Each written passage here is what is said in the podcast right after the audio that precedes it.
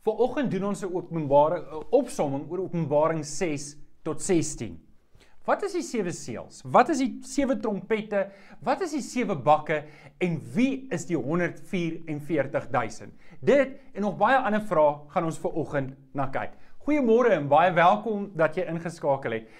Ek is bly jy het ingeskakel aan al die paas en al die oupas en al die pa-figure daar buitekant. Geseënde Vadersdag.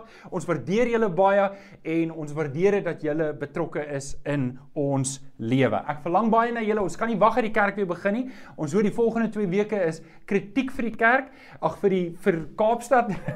en um ek wil jou nooi om vanaand in te skakel vir ons bid hier ook om saam met ons te bid. Ons bid vir ons land, ons bid vir ons regering, ons bid vir die mense in Kaapstad. Kom ons sluit hierdie oop, dan bid ons saam.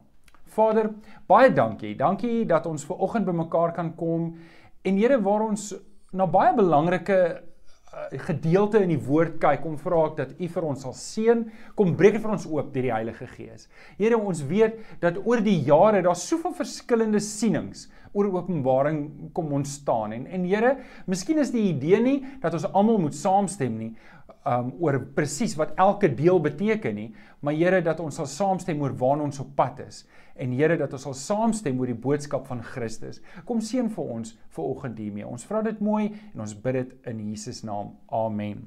Amen. Ons is besig met hierdie reeks wat ons noem The Christian Traveller's Guide to This Broken Galaxy en dit is omtrent wat Openbaring is. Openbaring is geskryf deur Johannes die apostel en hy skryf dit vir die sewe gemeentes in Klein-Asië, vandag Turkye en hy het 'n boodskap vir hulle. Hy wil hulle aanmoedig, hy wil hulle bemoedig, maar hy wil hulle ook aanspreek want ons kerke wat agteruit gegaan het, Christene wat lou geword het, Christene wat hulle eerste liefde verloor het en um Ek wil hê terwyl ons deur hierdie reeks gaan, ons is vandag by deel 3, terwyl ons deur hierdie reeks gaan, is daar 'n paar goed wat ek wil hê jy moet onthou. Die eerste ding wat ek wil hê jy moet onthou is hierdie beelde wat ons sien in Openbaring.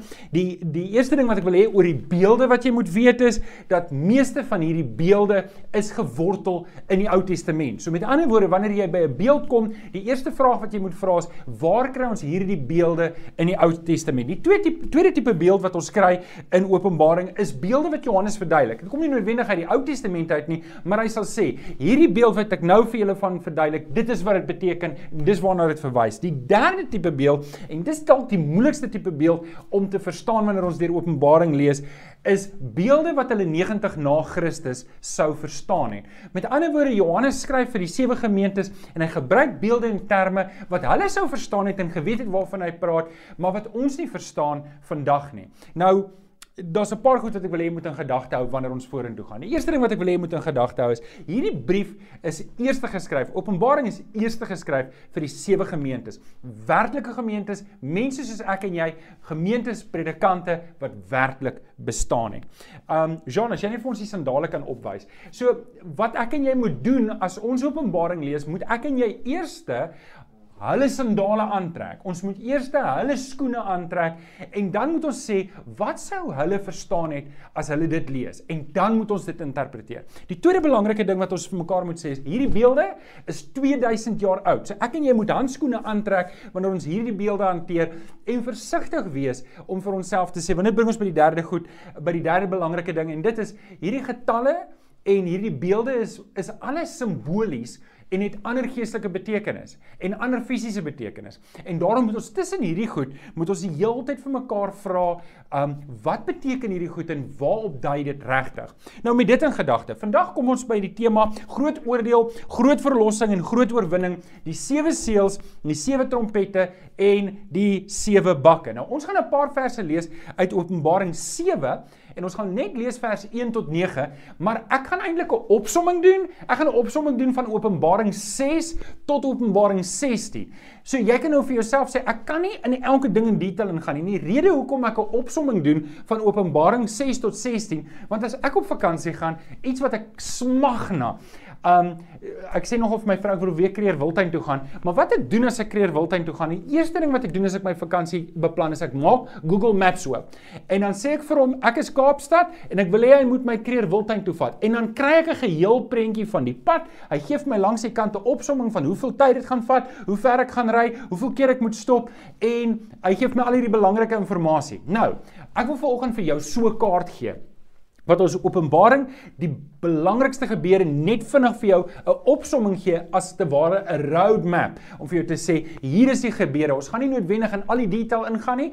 Um maar ek wil net hê jy moet daai oorsig hê sodat jy 'n prentjie in jou kop het. Nou, wanneer ons Openbaring 6 tot 16 lees, dan kry ons die sewe seels, die sewe trompette en die sewe bakke. En jy sal sien dis dis drie stelle van sewes en dit het 'n ritme. En in hierdie ritme gaan jy agterkom dat by elke sesde ene is daar 'n onderbreking. Met ander woorde, ons lees van die eerste 6 seels, dan is daar 'n onderbreking en dan is dit die sewende seël. Dan lees ons van die sewe trompette. Die eerste 6 trompette, dan is daar 'n onderbreking by die sesde trompet en dan is dit die sewende trompet. En dan kom ons by dan is daar 'n groot onderbreking tussen Openbaring 12 en 14. Dit doen ons volgende week. So as jy gewonder het oor die merk van die dier en die vrou en die diere, die see en die aarde. Volgende week kom ons daarby. Hou uit, jy moet nou eers net wag tot volgende week. Ons kom net eers nou by die sewe seël, sewe bakke. En dan by die sewe bakke dieselfde storie. Daar's 'n onderbreking by die sesde bak. En hierdie ritme wat daar is in die sewe bakke, sewe trompette en die sewe seëls. Nou meng ek dit 'n bietjie op. Moet jy mooi oplet want dit sê iets anders waarop ons moet aandag fokus. OK, maar dit gesê, kom ons lees net In die middel van hierdie hele storie is daar 'n sentrale tema en deel daarvan is die 144000. So ek wil 'n bietjie aandag daarop spandeer ook vir oggend. So kom ons lees saam in Openbaring 7 vanaf vers 1 en ons lees daarso Daarna het ek vier engele by die vier hoeke van die aarde sien staan. Hulle het vier hulle het die vier winde van die aarde vasgehou sodat daar geen wind op die aarde en die land en op die see teen enige boom sou waai nie. Nou onthou laasweek het ons mekaar gesê die getal 4 is die getal van die aarde, die vier windrigtings. So oral waar jy hoor van 4, weet jy dit het te doen met die aarde. So die getal 4 het te doen met die aarde. Vers 2. Ek het ook 'n ander engel van die ooste af sien kom met die seël van die lewende God. Hy het met 'n harde stem uit uitgeroep na die vier engele aan wie die mag gegee is om die land te tref. En hy, vir hulle gesê moenie die land en die see en die bome tref nie. Ons moet eers die dienaars van God op hulle voorkoppe merk met die seël.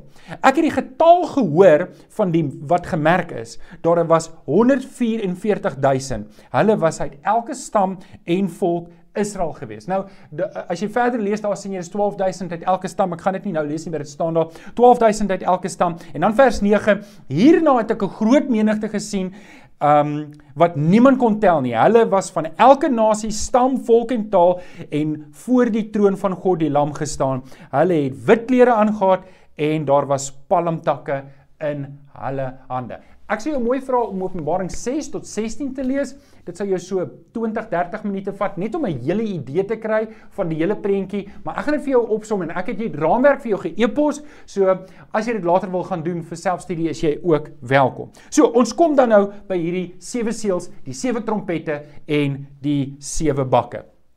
Nou, baie mense kyk na die sewe seels en die sewe trompette en die sewe bakke en sit dit in 'n lineêre lyn.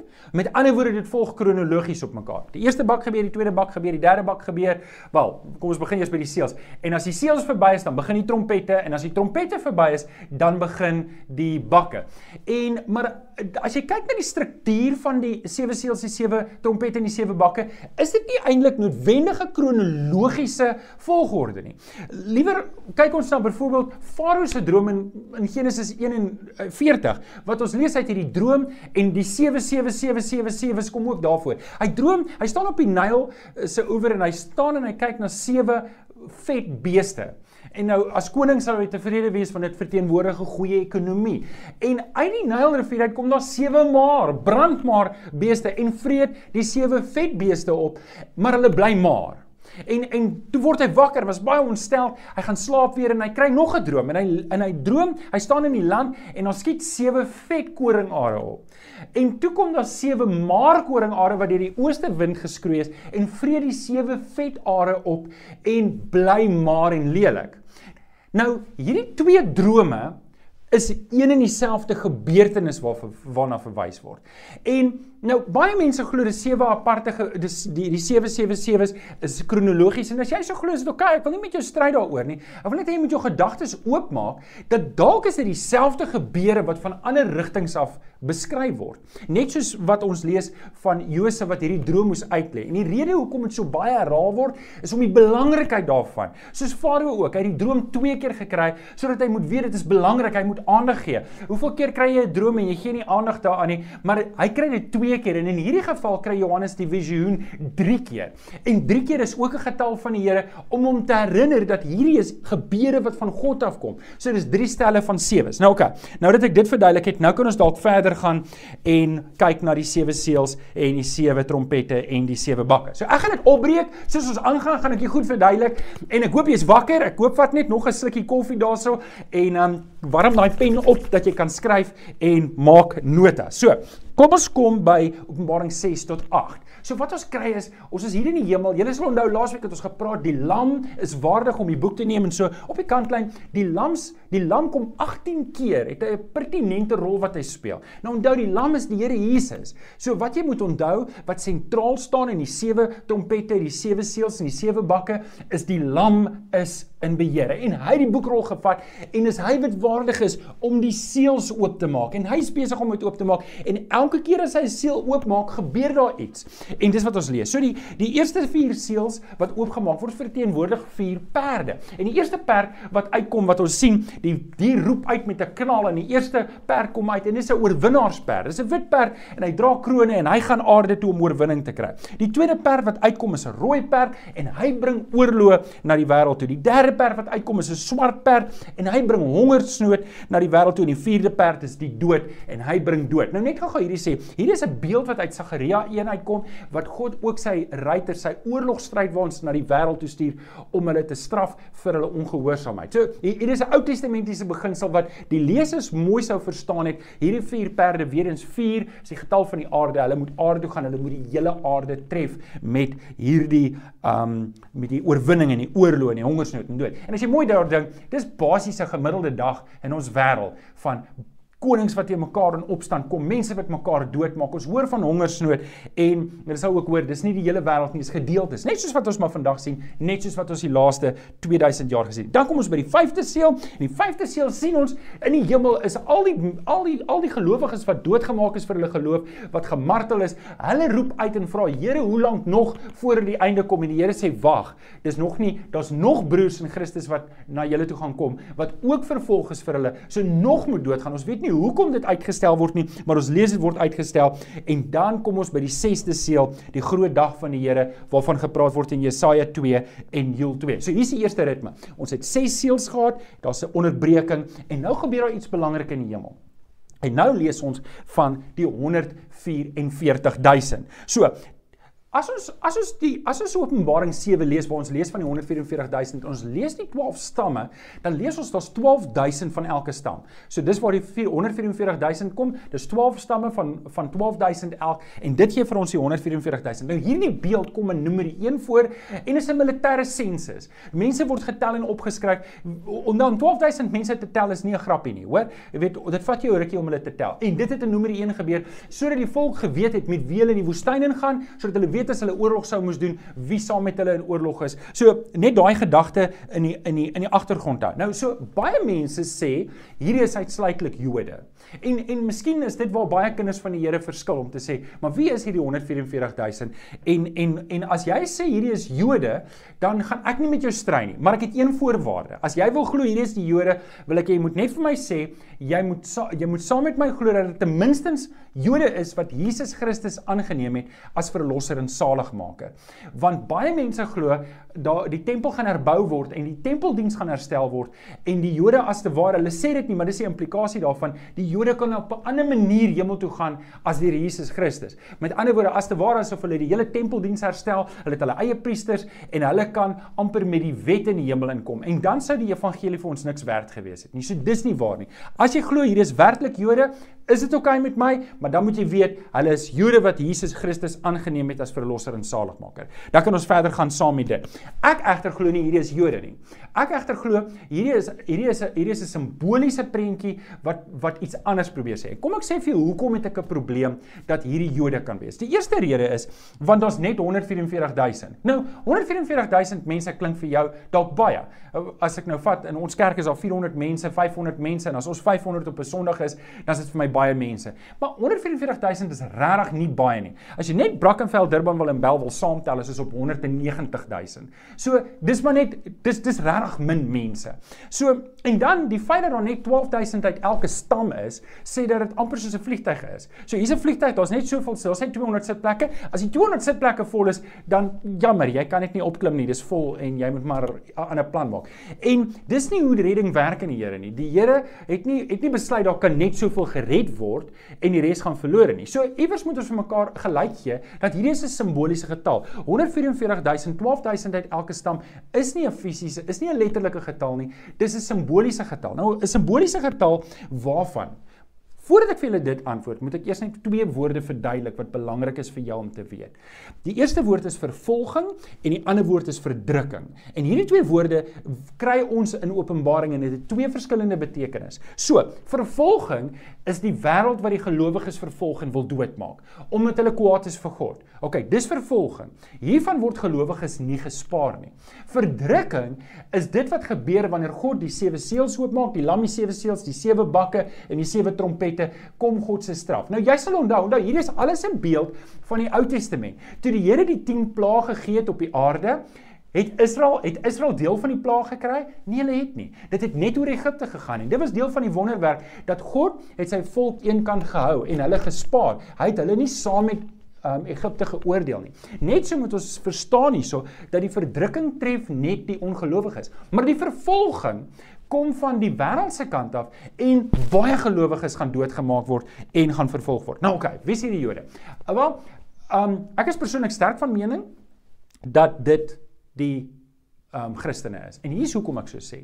Want as die Here dan nou gaan, die lam gaan en hy merk net die 144000 Jode wat nie deur die onthou ons het die twee woorde opgebreek. Die vervolging, dit kom van die vyande af, almal gaan dit kry, maar die verdrukking kom van God af. Dis die straf, die oordeel wat op die aarde kom. As God dan net die Jode spaar, hoekom hoekom sal hy die Christene wat op aarde is nie spaar nie? Hoekom sal hy hulle nie merk nie? Hoekom sal hulle getref word deur al die plaae en deur al die siektes en al die sprinkane wat kom, maar die Jode, hulle word gespaar? So dit maak nie sin nie. Dit is ook nie God se hart nie. Nou, wie is hierdie 144000? Wel, ek wil ietsie sê en jy gaan dink ek weer spreek myself, maar ek wil dit as prins doen. Hierdie 144000 is mense wat aan drie voorwaardes moet voldoen. Hulle moet werklik besny wees. Ja, jy het my reg gehoor. Hulle moet werklik besny wees.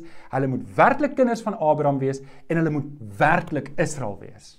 Kom ek gee vir jou 'n paar verse. Jean, Romeine 2 vers 28 tot 29. So kom ons begin by besnydenis. En die vraag is, as jy besny, is jy werklik besny? Wel kom ons kyk. Nie hy is 'n Jood wat aan die uiterlike is nie en nie dit is die besnerenheid wat aan die uiterlike aan die liggaam gedoen is. Dis nie Paulus wat praat in Romeine 2. Nee, hy is 'n Jood, wie is 'n Jood? Hy is 'n Jood wat innerlik is en dit is die besnerenheid wat deur die in die hart gedoen is deur die Gees, nie volgens die wetvoorskrifte nie. So, wie is die Jood? Wie is die ware besnydenis, die een wat deur die Gees besny is in die hart. En wanneer gebeur dit? Dit gebeur by wedergeboorte wanneer ek die Here Jesus aangryp, dan kom besny God my hart en dan is ek 'n werklike besnedene. So die eerste vraag wat ek jou wil vanoggend wil vra is, is jy werklik besny? En ek praat nie van besnydenis volgens die Ou Testament nie. Ek praat van besnydenis volgens die Nuwe Testament. Het jy jou lewe oorgegee aan die Here Jesus? Het jy werklik wedergeboorte gesmaak? Weet jy jy's 'n kind van God en weet jy die Heilige Gees is in jou? Wel dan is jy werklik besny. OK, die tweede ene is wees kinders van Abraham. Galasiërs 3 vers 7 lees ons: "Julle sien dus dat die wat glo kinders van Abraham is." So is ons werklik kinders van Abraham? Ons is absoluut werklik van kinders van Abraham as ons glo dat Jesus werklik die Christus is, dat hy die lam is wat vir ons geslag is. So weer eens, nie die mense wat sê hulle is kinders van Abraham van geboorte nie, maar hulle wat kinders van wedergeboorte is. Hulle is werklik kinders van Abraham. So en dan, wie wie is waarlik Israel? Wie is waarlik Israel? Galasiërs 6 vers 16 gaan Paulus en sê almal wat volgens hierdie beginsel leef. Watter beginsel praat hy van? Hy praat van die beginsel van deur om aan Jesus Christus verbonde te wees en oorgelewer te lewe aan hom. So wie is waarlik um almal wat volgens hierdie beginsel leef, is ware Israel. So, wie is hierdie 144000? Dis die wat waarlik besny is, die wat waarlik Jode is, wat waarlik kinders van Abraham is, wat waarlik Jode is en dit is die mense wat in Christus Jesus weergebore is. So, dis waar die 144000 dan inpas en onthou net die verskil tussen vervolging en verdrukking. So, hier wat hier gebeur by die 6ste seël is, die lam het al sy volgelinge wat nog op aarde is gemerk sodat hulle kan weet hulle is gespaar van die oordeele van die Here. Dis die boodskap eintlik hierso. Die Here kondig sy groot oordeele aan oor die aarde, maar sy kinders, die lam se kinders, die volgelinge van die lam, hulle is gespaar van dit. OK, en dan blaas die sewende trompet. Onthou nou ons ag die sewende seël word gebreek. Jammer. Die sewende seël word gebreek en dan soos klaar met die eerste stel van sewes. Nou gaan ons verder. Nou gaan ons verder. Nou kom ons by die sewe trompette. Nou, wat ek wil hê jy moet onthou wat ek vroeër gesê het is, die sewe trompette, die sewe seels en die sewe bakke is dieselfde gebeurtenis wat op ander maniere beskryf word. En ek gaan aan die einde vir jou sê, so hou net vas dan, gaan op die einde vir jou sê hoekom dit so in mekaar inpas en ek gaan vir jou die betekenis daarvan gee. So hou net vas. So nou kom ons by die sewe trompette. Dis vanaf hoofstuk 8 tot hoofstuk 11 en ons lees die eerste die eerste trompet word geblaas en ons verskriklike haal op die aarde. Die tweede trompet word geblaas en is bloed in die see en die visse sterf en die mense begin honger ly. Ons lees van ehm um, die die derde trompet, dis giftige water. Die mense kan dit nie drink nie. Hulle gaan dood van die water. Trompet nommer 4, dis duisternis op die aarde. Trompet nommer 5 is hierdie demoon gedrewe sprinkane en dan kom ons by die 6ste trompet wat dan die vier perde is. Nou pos net gou daar vir 'n oomblik. Ek wil net gou ietsie sê. Jy lees ietsie hier raak. Haal, bloed, giftige water, duisend ag duisternis en sprinkane. Al hierdie is beelde van die Ou Testament. En ons is terug by Eksodus. Die Here wat Farao straf. Die Here wat vir Farao sê: "Farao, laat my mense gaan. Ek wil my mense terug hê." Hoor jy dit? Dis 'n denkbeeld van die wederkoms. Ek wil my mense terug hê. Maar Farao sê ek wil nie jou mense laat gaan nie. Hulle is my slawe. En hier is hierdie spanning hier en die Here gee die een plaag na die volgende plaag na die volgende plaag om wat te doen. As Farao sy toegee by plaag nommer 2, wat sou gebeur het? Daar sou nie nog plaag gewees het nie. God het nie die plaag gestuur omdat hy lekker kry dat Farao hardkoppig is nie. Die Here wou sy mense hê. So dit was 'n straf gewees. So hou net in gedagte dat hierdie plaag, maar nou kom ons in Openbaring en hierdie trompette se plaag is op die volgende vlak. Die vla, die plaag wat wat Farao moes deurgaan, dit was eintlik kinderspeletjies teen die plaag wat ons in Openbaring kry. So uh, Johannes doen baie moeite die visioen wat hy sien in Openbaring. Die intensiteit is net op 'n baie hoër vlak as wat ons in Eksodus lees. So dis dieselfde pla, maar die sprinkane is net baie aggressiewer. Hulle steek soos um skerpioene, maar hulle maak nie mense dood nie en dit is net verskriklik en hierdie straf. En jy moet jouself die hele tyd vra, ons het nou die sewe seels gehad, het nou die sewe trompette en dit klink asof die wêreld regtig uitmekaar uitval en jy moet jouself hierdie vraag vra, hoekom doen God dit so? Iemand bel my eendag en sê, "Johan, hoekom is God so kwaad in Openbaring? Hoekom is hy so kwaad? Die res van die Nuwe Testament is hy so vriendelik en so liefdevol, maar hier is hy kwaad." En en ek gaan nou daai vraag antwoord want ek wil hê dis 'n belangrike vraag wat ons moet antwoord. OK. So soos by die 6ste trompet, die vier perde kom uit. Dis dieselfde vier per, vier perde waarna verwys word in die sewe seels. Hulle kom uit en hulle doen hulle ding. Nou lees ons dat um, die Here wil die mense straf nou onthou nou net, nê? Nee? Ons lees in Exodus dat die Here die plaag gestuur. Wat het Farao gedoen? Farao het het het spyt gekry En dan sê hy vir die Here, "Goed, jy kan jou mense kry." En hy laat hulle stuur. En op die laaste oomblik verhard hy sy hart en sê, "Nee, hulle gaan nie meer gaan nie. Hulle sê lei en hulle gaan nog harder werk." OK. So hierdie hierdie ding speel die hele tyd af. En nou gaan ons terug na Openbaring toe en ons lees dat die mense bekeer hulle nie. Die Here stuur hierdie straf Hoekom stuur hy die straf? Om hulle op te roep tot bekering. Hy roep hulle op tot bekering. Hoe hoekom? Hoekom vra jouself hierdie vraag? Die Here kon alles net tot 'n einde gebring het en gesê, "Dis nou genoeg as genoeg. Ek sny alles af." Maar intussen speel daar nou sewe seels af. Daar speel sewe trompette af. Daar speel sewe Dis alles genade tyd. Amper soos Noag wat die ark gebou het, dat 70 jaar verbygegaan vandat Noag die ark begin bou het tot hy klaar is. Hoekom? Hoekom stuur die Here nie engele vir Noag om te help nie? Hoekom? Want hy wil nie die oordeel voltrek nie. Hy waarsku, hy waarsku hy waarsku en ons lees die mense wil hulle nie bekeer nie. Okay, soos by die 6ste trompet. Daar's weer 'n onderbreking. Daar's weer 'n onderbreking. En hierdie keer Ons het nou die 144000 gehad. Onthou nou al hierdie beelde hou verband met mekaar. Maar nou sien Johannes twee visioene. En die eerste visioen wat hy sien, is hy sien 'n tempel. Hy moet die tempel gaan opmeet. Maar iets interessant aan hierdie tempel, hy het nie 'n voorhof nie.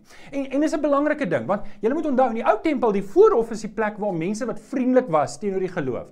Met ander woorde, um Filippus en die hofdienaar, daai Ethiopiese hofdienaar was nie 'n Jood nie. Hy sou kon kom tot in die voorhof en hy sou daar ook God kan aanbid, maar hy kan nie hy kan nie 'n Jood word nie. Hy hy kan nie deel word van die Joodse geloof nie. Nou nou om daai konteks vir jou te sit, so dis 'n plek wat veilig was vir heidene wat vriendelik was tot die geloof. Maar dan lees ons Johannes skryf baie uitdruklike opdrag dat hy mag nie hierdie voorhof meet nie. En die rede daarvoor is want die heidene het dit gaan vertrap. Met ander woorde asof asof asof God gesê het julle is veilig hier by my, maar hulle het dit gaan vertrap en hulle het God se genade teruggegooi in sy gesig en gesê ons wil dit nie hê nie en daarom kan Johannes dit nie meet nie.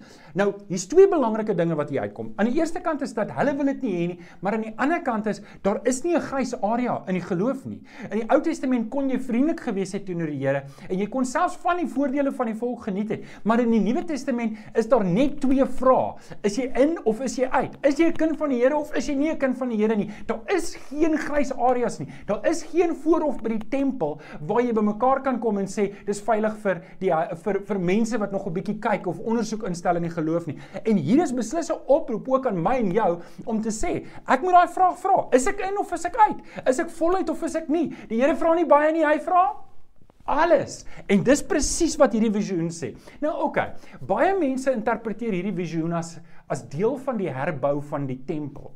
Dat die Here die tempel van die Ou Testament gaan herbou. En ek dink ek het reeds daarna gepraat van die 144000. Ek het nie so persoonlike verwagting dat 'n tempel gaan herbou word nie en ek dink in elk geval nie hierdie teks praat daarvan nie. Ek dink onthou nou net nie, selfs met Jode besnydenheid en Abraham se kinders.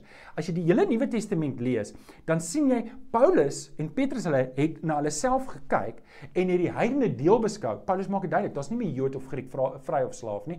Ons is nou almal een in Christus. En net so lees ons 'n klompie verse. Ek gaan net 'n paar aanhaal. Jean gaan dit nou nie vir ons wys nie, maar Johannes 2 vers 19 en Johannes 4 vers 21, 1 Korintiërs 3 vers 16, Hebreërs 3 vers 6 um Hebreërs 3 vers 6 en en 1 Petrus 2 vers 4 tot 5. Dis alles verse waarop wys dat die tempel iets anders is as 'n fisiese gebou. Kom ek verduidelik dit so. So, wat was die doel van die tempel? Nou min mense weet dit. Die Here het nie die inisiatief geneem vir die tempel nie. Dawid het. Dawid het gesê, Here, dis nie reg dat ek in 'n paleis bly en u bly in 'n tent nie. So ek gaan vir u 'n paleis bou en die Here het gesê, "Oké, okay, dit kan werk." Maar jy gaan dit nie bou nie Johannes volbloed jou seun sal dit bou. So jy moet verstaan, die tempel was nooit God se inisiatief nie. Dit was die mense inisiatief. Dit was nooit God se eerste plan nie. En toe toe die profete aangekondig het dat God gaan die tempel herstel en Jesus maak dit van toepassing dat hy is die tempel wat afgebreek gaan word en opgebou gaan word. Moet ek en jy verstaan dat ek en jy wat deel is van die liggaam van Christus is die tempel van die Heilige Gees.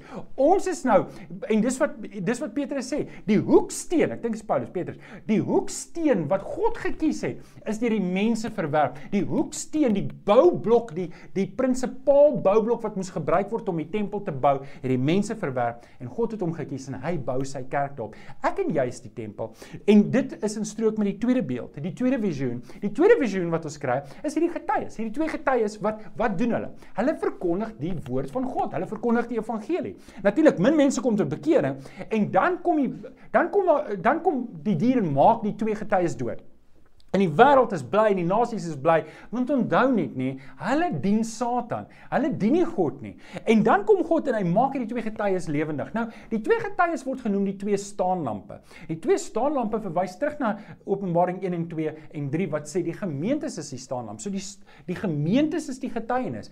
En hier sin speel Johannes en die visioen op die erge vervolging wat die kerk sou deurgaan. En dit het in daai tyd gebeur. Wil die Christene was wild en wakker doodgemaak. Jy het self gesien hoe die apostels doodgemaak is en hoe die Here die kerk weer gehelp het om aan die gang te kom.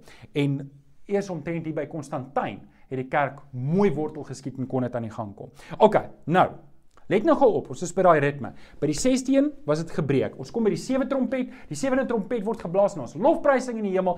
Almal is bly en nou wil ek hê jy moet gou-gou die ritme hoor. Die eerste vers, na die 7 seels, toe gebeur die volgende vers. In Openbaring 8 vers 5 lees ons daar het donderslae, dreunings en weerligstrale en aardbewings gekom. Dis na die 7 seels. Nou is ons aan die einde van die 7 trompette. Nou lees ons in Openbaring 11 vers 19, daar het toe weerligstrale, dreunings, donderslae en 'n aardbewing en 'n groot haalstroom gekom. Hoor jy die ritme? Hoor jy die ritme? Jy gaan dit nou-nou hoor by die sewe bakke ook. OK. So, nou is ons klaar met die sewe seels, ons is klaar met die sewe trompette en nou is daar 'n baie groot onderbreking. En hierdie baie groot onderbreking is eintlik die middelpunt van al hierdie gebeure om vir hierdie is eintlik die groot waarskuwing vir die kerk. En daaroor gaan ons volgende week praat. So jy moet nog 'n week wag. Hierdie is eintlik die middelpunt van die Openbaring, hoofstuk 12, 13 en 14 wat eintlik belangrik is waarop ons gaan fokus. Maar volgende week praat ons daaroor. Ek wil nou kom by die sewe bakke. Die sewe bakke lees ons in Openbaring 15 en 16. En ons lees weer eens, dieselfde gebeur. Die eerste bak wat gebeur is, daar's seere wat op die mense uitgegooi word. Die bakke word uitgegooi. Die see word bloed. Dis hongersnood, die visse vrek. Daar word see in die vars water gegooi, so die mense kan nie besproei nie. Hulle kan nie water drink nie. Dan eh, bak 4, die son val op die aarde en en dit verskroei 'n klomp mense in bak nommer 5, die donkerte. Weereens hoor jy Exodus se pla wat na voorskyn kom en onthou die rede daarvoor. Onthou die rede met die sewe seels, met die ehm um, sewe trompette trompette en die sewe bakke, alles is presies dieselfde. God gee nog genade tyd. Jy moet dit nie lees as God is kwaad en hy wil die mense straf nie. Ek het al mense gehad wat Openbaring uitklaar en dan lyk dit vir my asof hulle dink God is bly om mense dood te maak. Hier is nie wat hier gebeur nie. Hier is die uitrek van die oordeel om vir die mense te sê die einde is naby. Julle moet regmaak met God, julle moet julle bekeer. God wil julle red. Natuurlik, dit wat ons lees, is sien ons dat die mense net nog harder word teenoor die Here. En dit bring ons by bak nommer 6, dan lees ons dat die Eufraat word droog en um die konings van die nasies kom saam en hulle sê hulle gaan oorlog voer teen die land en teen God se mense en dan kom hulle by hierdie vlakte in die noorde van Israel wat Armageddon is. Nou Armageddon is 'n is 'n bekende vlakte wat in die Ou Testament waar daar baie oorloë was in die Ou Testament, maar wat die ding is, as God saam met die volk was, het hulle gewen. En hier is die belangrike ding dat hierdie stryd, hierdie oorlog gaan niks beteken nie want dit word op God se terme gedoen en God is altyd die oorwinnaar. Nou dis 'n bietjie van 'n spoiler alert van dit kom nou later aan uit. Maar hou dit net in gedagte. Dan kom ons nou weer. Onthou nou ons het nou nog gepraat van daai daai ritmes, die sewende bak word dan uitgegooi en dan word daar hardop uitgeroep. Dis verby, dis verby, die einde is hier. So ons het sewe seels gehad, ons het sewe trompette gehad, ons het sewe bakke gehad en hy eindig dieselfde. So in 8 vers 5 lees ons daar donderslae, dreunings en weerligstrale en aardbewings gekom. Dis na die sewe seels, na die sewe trompette lees ons in 11 vers 19, daar het toe weerstrale, dreunings, donderslae en aardbewings en groot haalstorm gekom en aan die einde van die bakke lees ons in 16 vers 18, toe het daar weerstrale, dreunings en donderslae gekom. So hier hierdie sewe trompette Die sewe seels en die sewe bakke is drie verskillende visioene wat dieselfde gebeurtenis beskryf om te sê die oordeel van God bou op. Elke keer raak die intensiteit meer. Elke keer word die oordeel wat uitgespreek word meer. Nou, wat is dan nou die betekenis van die sewe seels, die sewe trompette en die sewe bakke? En dit wil ek graag vir jou verduidelik. Hier, hier is nogal baie kosbaar. So, wat was die sewe seels? Dit het gegaan oor die boekrol. As ons praat oor 'n boekrol wat met sewe seels is, dan is dit 'n boodskap. Daar was 'n boodskap wat verkondig moes word. Ons lees dat Johannes moes hierdie boek later aan geëet het. Dit was soet in die mond, maar dit was bitter in die maag. Wat moes hy daarmee gaan doen het lees ons? Hy moes dit gaan verkondig het aan die aan die hele wêreld. So die eerste sewes gaan oor die boodskap wat verkondig moet word. Die tweede stel sewes is die sewe trompette. Trompette hou verband met oor, oorlog en oordeel. So met ander woorde, Aan die eerste sewe seels gaan dit oor die boodskap wat verkondig moet word. Die sewe trompette gaan oor die oorlog en die en die um oordeel wat op pad is en die sewe bakke wat uitgegooi word is dan die uitvoering van daai oordeel. Die sewe bakke is die oordeel wat uitgevoer word. So dis die sewe sewe seels, sewe trompette en sewe bakke, maar is een en dieselfde gebeurtenis wat verduidelik word. Nou, hoekom? Hoekom word dit so gedoen? En dit het ek nou die hele tyd vir julle oor en oor gesê. Dit is want God stel die oordeel nog 'n bietjie uit.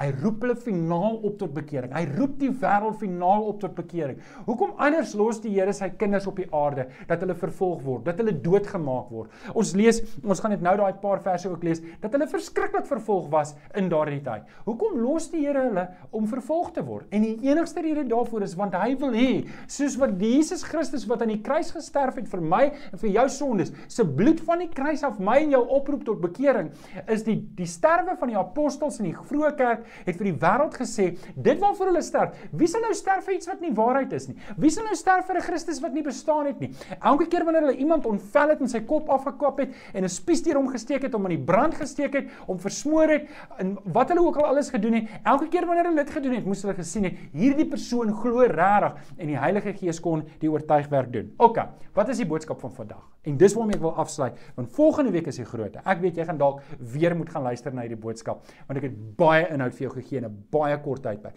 Maar ek wou net vir hierdie kaart uiteensit dat jy sien ons is hier en dis waar ons op pad is. Dis die hele prentjie. Jy kan nou later gaan lekker induik en indelf in die detail. OK. Eerste ding wat ek wil hê jy moet weet hier is die lam word 18 keer genoem hierso. Hy's in beheer. Hy's almagtig en hy red mense. En dis die onderliggende boodskap van hierdie oordeel. Nou, wat moet ons vandag daarmee doen? Wat is die boodskap vir ons? Drie waarskuwings en een herinnering. Die eerste waarskuwing is ek en jy moet volhard deur vervolging. Nou ek en jy gaan nie deur die vervolging nie. Onthou, daar praat net van die twee kandelare. Hoekom word daar net gepraat van die twee kandelare wat die twee getuienisse wat doodgemaak word? Want al die kerke word nie vervolg op een slag nie. Net soos wanneer daar wanneer daar 'n plaag kom, net 'n derde word getref. Nie almal word op een slag getref nie. En en en net so het ons hier ook, nie almal gaan deur vervolging nie. So ons gaan nou deur 'n tyd wat ons dalk nie vervolg word nie, maar dalk gaan jy deur 'n tyd van vervolging. Openbaring 13 vers 9 tot 10 lees ons: As iemand bestem is om doodgemaak te word, sal hy doodgemaak word. Hier het die gelowiges volharding nodig. Net so moet ek en jy weet, wanneer ek en jy deur 'n tyd van vervolging gaan, moet ons juis volhard. Daar's baie mense wat hulle geloof uitverkoop het want hulle sê dit is te moeilik. En daai mense sal nie gered word nie. En dis 'n waarskuwing vir my en jou. Wie volhard tot die einde toe, sal gered word. Waarskuwing nommer 2. Ek en jy moet 'n waardige lewe leef. Ons lees in Openbaring 7 vers 14, hierdie mense wat wit klere aan het, wie is hulle en waar kom hulle vandaan? En dan kom die antwoord. Dit is die wat uit die groot verdrukking kom. Hulle hulle hulle was daar, hulle het dit gesien gebeur. Hulle het hulle klere gewas en wit gemaak in die bloed van die lam. Met ander woorde, hulle het hulle klere nie vuil gemaak nie. Toe hulle gered was, het hulle besluit hulle is klaar met sonde. Hulle gaan nie terug na sonde toe nie. En en dis die goeie nuus wat ons verkondig. Jesus het gesterf om ons juis te red van eh, van onsself, om ons te red van 'n sondige lewe. Ons kan nie terug gaan soontoe nie en daarom moet ek en jy hardhandig werk met sonde in ons lewe. Waarskuwing nommer 3. Die lam se oordeel oor die wêreld is op pad. En hoekom is dit 'n waarskuwing vir my en jou? Ons is dan gered. Ons word nie eens geraak hierdeur nie. Dit is 'n waarskuwing vir my en jou, want jy het 'n broer wat dalk nie die Here ken nie. Jy dalk 'n suster wat nie die Here ken nie. Jy dalk 'n oom of 'n tannie of 'n ma of 'n pa of 'n buurman wat nie die Here ken nie. En Spurgeon het gesê, as ek my studente vir 3 minute in die hel kan hou, dan sal hulle vir die res van hulle lewe nie stil by oor die evangelie nie. En hierdie oordeele word aan my en jou beskryf. Dit word nie vir die wêreld gesê nie. Ons gaan nie na die wêreld toe en dreig hulle met die oordeel wat kom nie. Ons vertel hulle van Jesus Christus wat gesterf het. En en dis die goedheid van God. Romeine sê, besef jy nie dat God jou deur sy goedheid wil red nie, maar ek en jy die waarskuwing dat dit is die verskriklike verskriklike voorland vir mense wat nie Jesus Christus ken nie. En ek en jy moet 'n dringendheid hê om die evangelie te verkondig aan 'n verloorgaande wêreld. En dit bring ons dan by die laaste ene. Onthou, ek en jy het 'n missie. Openbaring 10 vers 10 tot 11 is daai mooi verse en hiermee wil ek afsluit vir my en vir jou om ons uit te daag. Ek het toe die boekie uit die hand van die engel gevat en dit opgeëet. En in my mond was dit so soet soos heuning maar ek het dit ingesluk en dit het, het in my maag bitter geword. Toe het hy vir my gesê jy moet weer God se boodskap aangaande baie volke nasies en talle konings gaan verkondig. Nou hier's die ding. Ek en jy het 'n boodskap om te verkondig.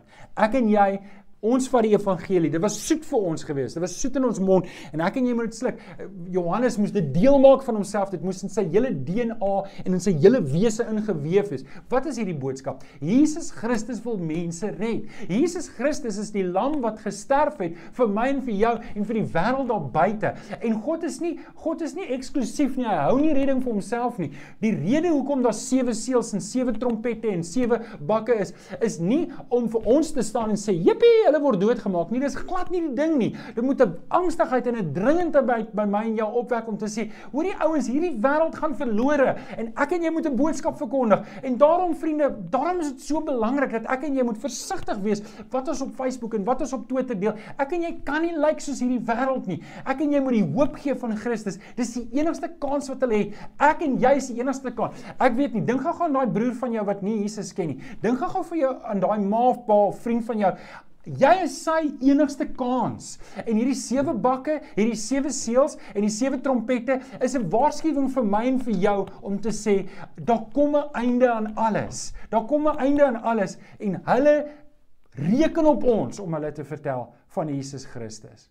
Ag vriende, hiermee sluit ek af. Hiermee sluit ek af. Ek hoop jy's uitgedaag. Ek hoop jy kry die dringendheid van Openbaring wat Johannes in sy hart gehad het toe hy geskryf het vir die sewe gemeentes om hulle op te roep om te sê word wakker en staan op en los die louheid en los die kom terug na jou eerste liefde toe en dien die Here voluit.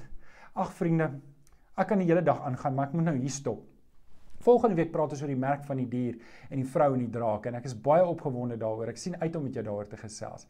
Maar hier sluit ons af. Mag die Here vir jou seën. Mag die Here vir jou seën met 'n dringendheid deur die Heilige Gees om mense te vertel van Jesus al word jy vervolg daarvoor. Kom ons bid saam.